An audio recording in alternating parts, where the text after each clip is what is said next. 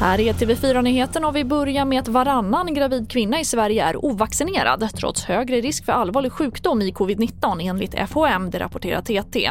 Och Karin Pettersson, överläkare på Karolinska sjukhuset, berättar att varje vecka föds barn alldeles för tidigt på grund av så svårt sjuka gravida kvinnor att de behöver sjukhusvård och i många fall även intensivvård.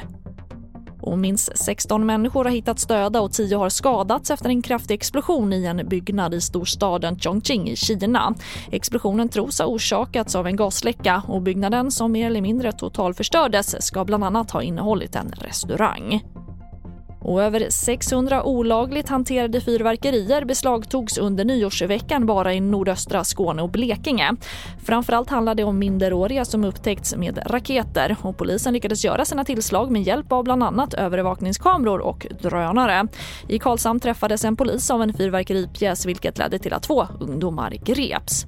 Fler nyheter det hittar du alltid på vår sajt tv4.se. I studion Charlotte Hemgren.